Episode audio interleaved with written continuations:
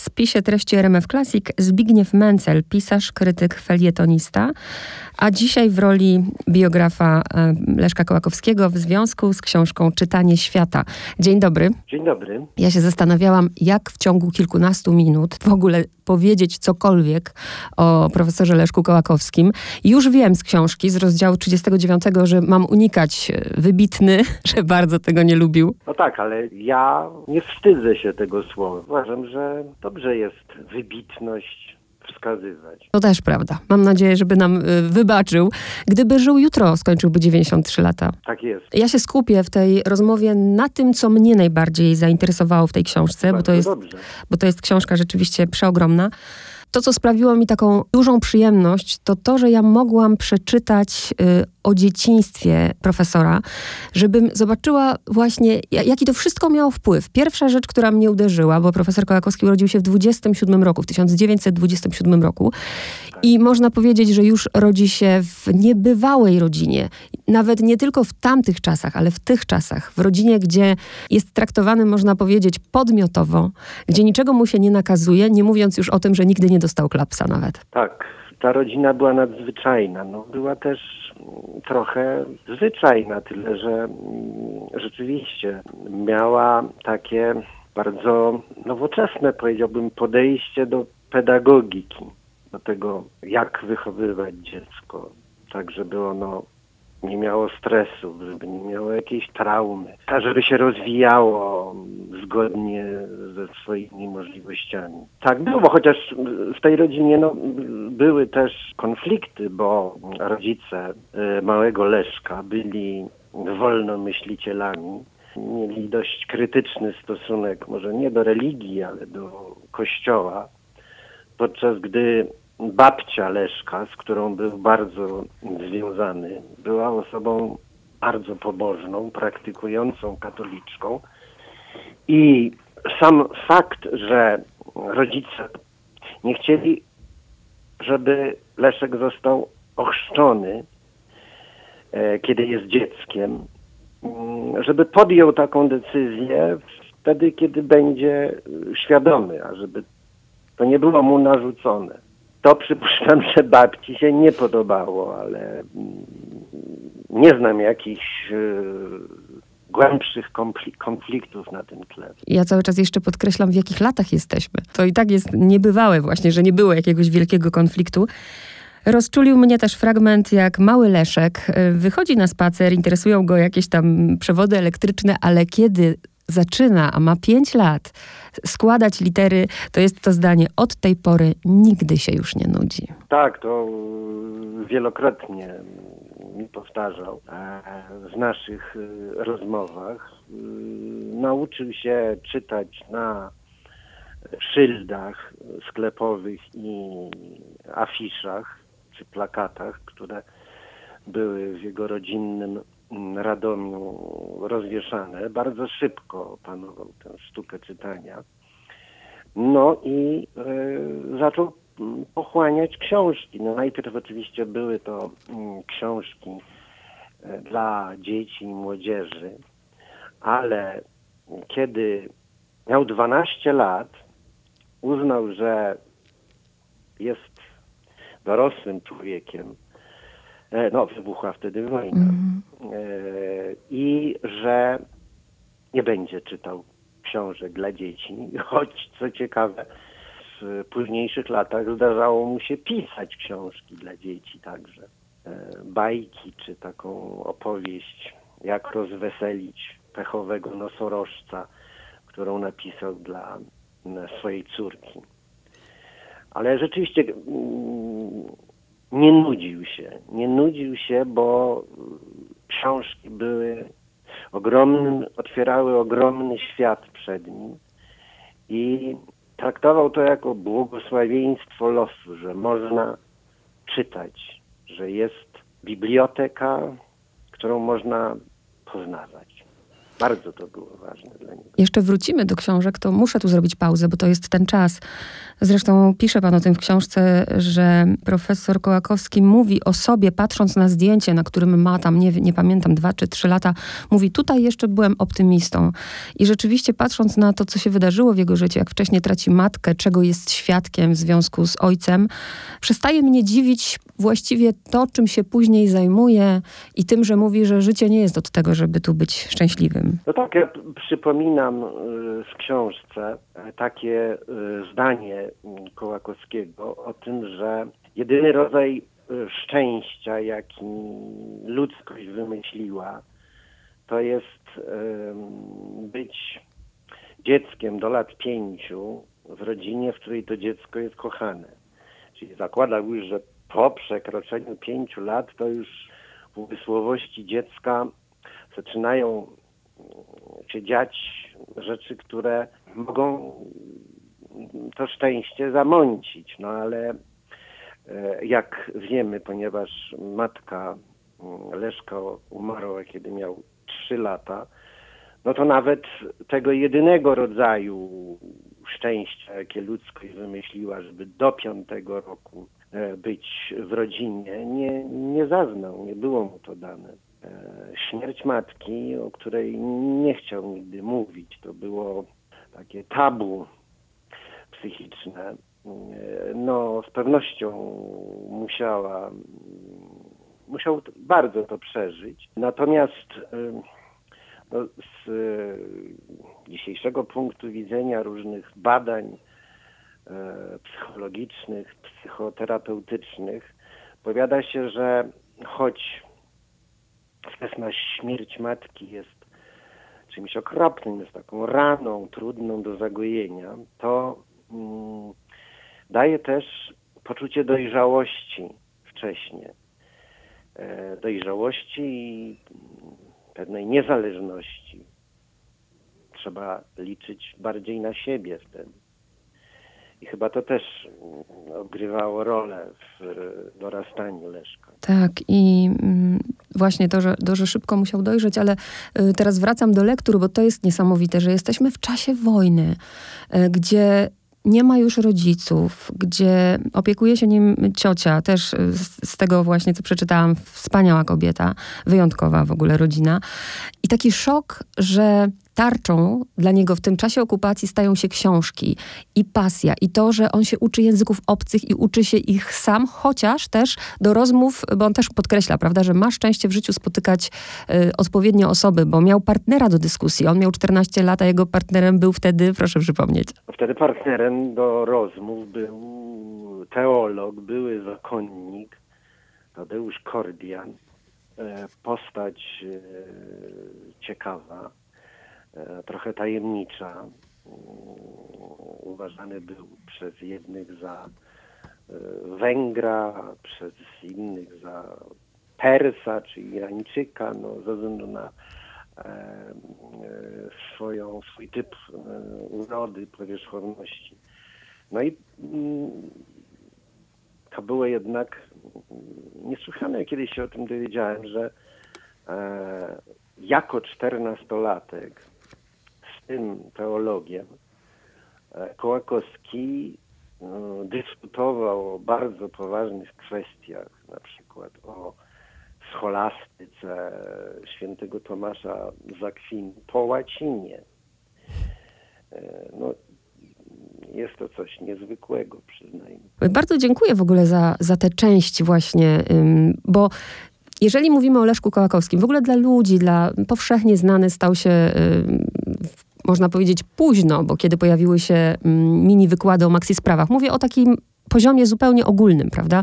Nie tak. mówię o ludziach zainteresowanych, to wtedy stał się taki bardzo popularny, ale gdzieś zawsze ten Kołakowski jest w kontekście, co też mnie już trochę drażni nawet przy każdej rozmowie, w kontekście tego, że się zaangażował w komunizm, że był członkiem PZPR i dlatego odnalazłam taką przyjemność w, tym, o czym nie wiedziałam właśnie, że to, że pan zagłębił się w to dzieciństwo. No to bardzo rad jestem, że zwraca pani na to uwagę, bo rzeczywiście no Kołakowski jest wtłaczany w taki schemat marksista, rewizjonista, potem konserwatysta. Mm.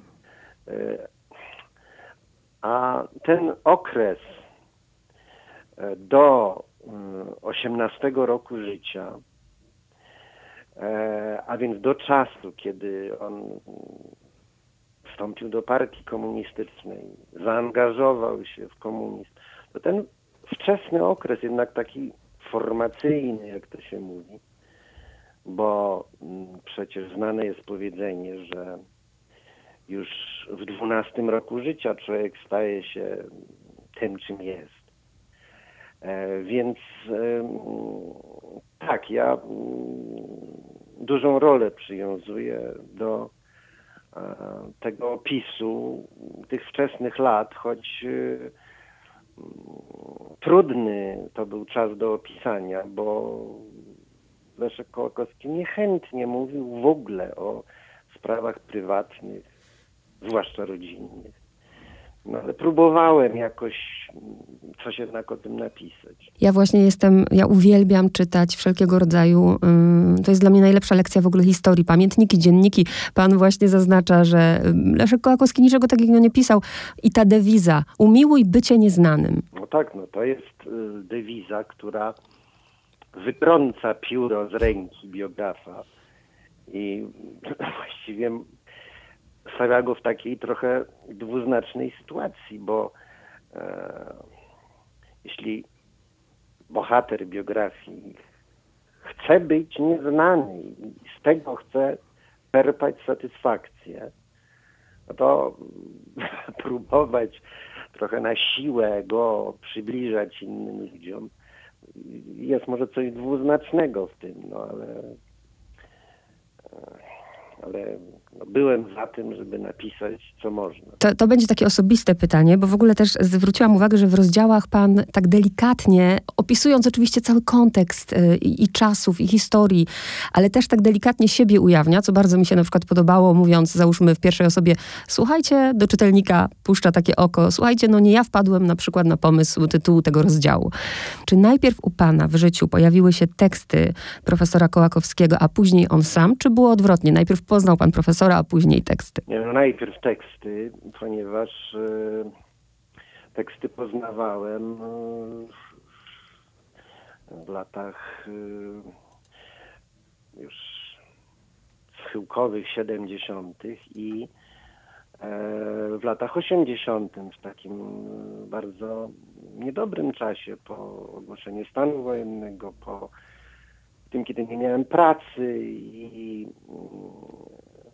wtedy tak y, systematycznie studiowałem wszystko, co e, Kołakowski napisał i co mogłem, do czego mogłem dotrzeć w jakichś starych e, czasopismach, często bardzo egzotycznych, jak na przykład pismo esperantystów, no, gdzie też on publikował więc e, e, wtedy po prostu chciałem przeczytać wszystko, co Kołakowski napisał. E, no ale mm, nawet chciałem jakoś to, te teksty zbierać, ale wtedy mm, trzeba pamiętać, że nie można było w bibliotece skserokopiować żadnego tekstu, bo trzeba było mieć specjalne pozwolenie od władz. E, na kserokopie, więc to, było trudne. No. Niemniej e, e, ja te teksty jakoś starałem się jednak skopiować, czy nawet dawać. Taką miałem zaprzyjaźnioną maszynistkę, która przepisywała mi różne teksty i postanowiłem zebrać tak zwane pisma rozproszone Kołakowskiego sprzed roku 1968. No i y, to y, było do zrobienia, do wydania, no, no tylko na emigracji, w jakimś emigracyjnym wydawnictwie. Było w Londynie takie wydawnictwo Puls, gdzie tam postanowiłem to e, wydać. No i pamiętam, że jakoś to już były, był schyłek lat 80., a więc ten reżim e, wojskowy zelżał. No, tam dostałem paszport jakimś cudem pamiętam, że wyjeżdżałem z Polski wioząc w takim, są takie worki żeglarskie duże. No i w tym worku żeglarskim wiozłem, nie wiem, no, 10-15 kilogramów maszynopisów. No, bo wtedy nie było takich możliwości komputerowych, jak teraz, że się mailem wysyła wszystko, czy w PDF-ie e, grube książki, więc to musiałem to przeszmuglować przez granicę e, maszynopisy. I wtedy, kiedy już skonkretyzowały się plany e, wydania tych pism rozproszonych, a ja byłem w Londynie, no postanowiłem skontaktować się z profesorem, żeby pokazać mu e, przedmowę, którą napisałem. Zresztą wcześniej już miałem kontakt oczywiście, czy on się zgodził na to, żeby wydać. Zgodził się z dużymi oporami. Uważał, że on nie lubił w ogóle wznawiać e, tekstów e, z przeszłości, nie mówię nawet o młodości, tylko o takich latach 60., to też nie lubił tego, nie lubił wznawiania swoich prac. Ale zgodził się, więc ja napisałem przedmowę i wtedy właśnie, to był rok 88, e, wtedy poznałem profesora w Londynie. To był chyba stres. No był, był, tak. No, zwłaszcza, że Leszek Kołakowski lubił skracać dystans no, taki towarzyski. I nie wiem, tam już na pierwszym chyba spotkaniu zaproponował, żebyśmy sobie mówili po imieniu, no co mi trochę nie przechodziło przez gardło, no. E, no ale taki on właśnie był, no, ale przecież choć e, lubił, tak, lubił się zaprzyjaźniać z ludźmi i tak jak powiedziałem, skracać dystans do ludzi. No ale nawet jak już e, jakoś uda, udało mi się bez większego zawstydzenia mówić mu Leszku, to przecież nie przestawał być dla mnie olbrzymem. No. Mm. Oczywiście. Tu słuchaczom podpowiadam, o czym pan też pisze, że Leszek Kołakowski czytał horoskopy, aczkolwiek w nie nie wierzył, ale osoba urodzona dnia 23 października, zamknięta w sobie, człowiek ostrożny, rozważny, lubi rozmyślać, to nam idealnie pasuje do Leszka Kołakowskiego, a z drugiej strony też zauważyłam, że miał niesamowite poczucie humoru. Rozbawiła mnie sytuacja, w której on zauważył, że pan kuleje i chciał pana wrzucić pod autobus. To, to nie mnie. Ach, to nie pana. Tylko Marcina Króla, byłego studenta. No tak Chodziło o to, że Kołakowski miał ogromne problemy ze stawami, a głównie z kolanami. Miał okropne bóle. I kiedy miał y, wypadek autobusowy w Oksfordzie, został potrącony na ulicy przez autobus, lekarze zdecydowali się przeprowadzić operację y, kolana i on ogromną ulgę poczuł, więc dlatego mówił, że y, dobrym sposobem, żeby komuś pomóc y, w sprawach zdrowotnych jest wepchnąć go pod autobus. Tak, tak. Zdaję sobie sprawę, że pan już latami zajmuje się i pismami profesora Kołakowskiego, ale chodzi też o to, że po pojawiały się już pana książki, pojawiały się rozmowy i teraz biografia. Y, czy pan zresztą zaznacza we wstępie, że stara się nie powielać tego, co było w poprzednich książkach, że dochodzą nowe y, materiały źródłowe. Ile to było pracy? No, pani, no, praca najbardziej czasochłonna to było przestudiowanie archiwum, prywatnego archiwum profesora, które z Oksfordu przywędrowało do Warszawy, podarowane przez panią Tamarę Kołakowską w Bibliotece Narodowej. No, to jest duże archiwum, e, którego główną część stanowi korespondencja, 16 tysięcy listów.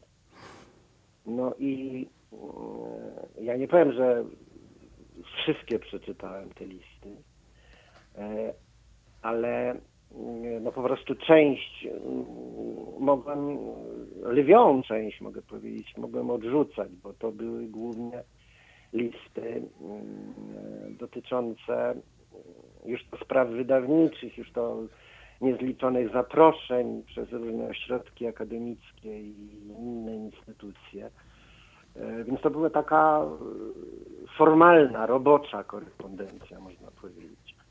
Natomiast mm, jeśli chodzi o mm, korespondencję prywatną, korespondencję z przyjaciółmi, to ona też mm, może sprawiać pewien e, zawód, mianowicie Kołakowski nie, nie lubił i w listach, i w rozmowach poruszać poważnych spraw. Lubił właśnie żartować z tym swoim wielkim poczuciem humoru. Albo po prostu te listy były pisane z taką wielką serdecznością czy czułością, aby podtrzymać kontakt, zwłaszcza kontakt z przyjaciółmi, e, które po mm, wyjeździe Kołakowskiego no, na długie lata były przerwane. Więc to służyło mm, takiemu podtrzymywaniu y, kontaktów. Serdeczność, czułość, żart. Natomiast y, no, biograf mógłby oczekiwać jednak też rzeczy poważniejszych. I trochę takich listów jest. List do Czesława Miłosza, listy do Tadeusza Kotarbińskiego. Tam są mm. bardzo ważne i ciekawe tak. sprawy. Chcę też czytelnikom powiedzieć, że żeby nie bali się tej książki, że to nie jest tylko książka dla miłośników profesora y, Kołakowskiego. Owszem, mamy tutaj jego czytanie świata, jego eseje, jego teksty, jego y, rozważania nad różnymi sprawami, ale właśnie jest też, bardzo wybija tutaj dla mnie też Leszek Kołakowski jako człowiek w tej książce. No to cieszę się, raz jeszcze się cieszę, że tak pani tę książkę odbiera. Ja naprawdę e, dokładałem wszelkich starań, a może to jest źle powiedziane, że dokładałem wszelkich starań. Po prostu nie potrafiłbym napisać bardzo takiej przemądrzałej, akademickiej książki, bo nie jestem historykiem filozofii. E, nie mam takiego przygotowania filozoficznego. Nie umiałbym na przykład napisać książki, która jest bardzo potrzebna, która mam nadzieję powstanie, której tytuł mógłby brzmieć Kołakowska panorama myśli współczesnej. I w tej książce byłoby e, zderzenie myśli Kołakowskiego z e, pracami, z teoriami różnych innych europejskich myślicieli, filozofów, z którymi na ogół Kołakowskiemu nie było po drodze, więc to jest tym bardziej ciekawe, na czym polegały różnice w patrzeniu na świat. Ale takiej, takiej książki no, nie umiałbym napisać. No. Starałem się przedstawić poglądy Kołakowskiego w sposób yy,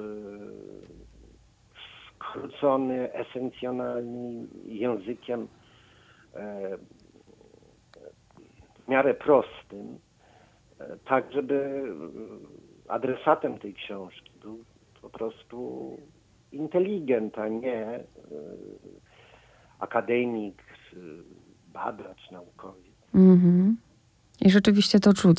Ja się zawsze uśmiecham, bo jeszcze, jeszcze kiedy Leszek, profesor Leszek Kołakowski żył, ja zresztą moje studia zaczynałam od, od filozofii, więc jego teksty są mi dobrze znane, ale on zawsze a propos tego umiłuj bycie nieznanym, że to jest ten paradoks, to jest właśnie bycie wielkim. Ktoś nie chce być wielki, a po prostu nim jest. Ja pamiętam, jak e, w różnych wywiadach wtedy czytałam, jak Leszkowi Kołakowskiemu zadawano pytania, już odnoszono się do niego jako do autorytetu, prawda, już był po siedemdziesiątce i on zawsze tak, tak z dystansem żartował, a to, to ja mam być tym autorytetem? To ja mam mówić, co to jest szczęście? Ja nie wiem. Tak, to prawda, ale wie pani, to chyba to już na koniec wypada mi coś powiedzieć naszej rozmowy. E, chcę powiedzieć coś takiego, że no, żyjemy w czasach, kiedy ludzie łatwo się nudzą. Nudzi ich to, co stare i znane, pragną ciągle czegoś nowego, nieznanego. Ale wielkie osobowości twórcze, wielcy pisarze, malarze, kompozytorzy mają to do siebie, że e, ludziom, którzy chcą z ich dziełem obcować, że ludzi, którzy chcą z ich dziełem obcować, nie znudzą nigdy. Nie znudzą ich nigdy, bo wciąż od nowa wysyłają impulsy, które pozwalają nam e, lepiej zrozumieć świat i zintensyfikować nasze życie duchowe. Czy ja mogę zadać ostatnie pytanie? Jest osobiste. Jeśli pan nie zechce odpowiedzieć, zrozumiem. Czy pamięta pan ostatnią rozmowę z profesorem? Nie pamiętam, która była ostatnia, bo y, rozmawialiśmy też często y, przez telefon.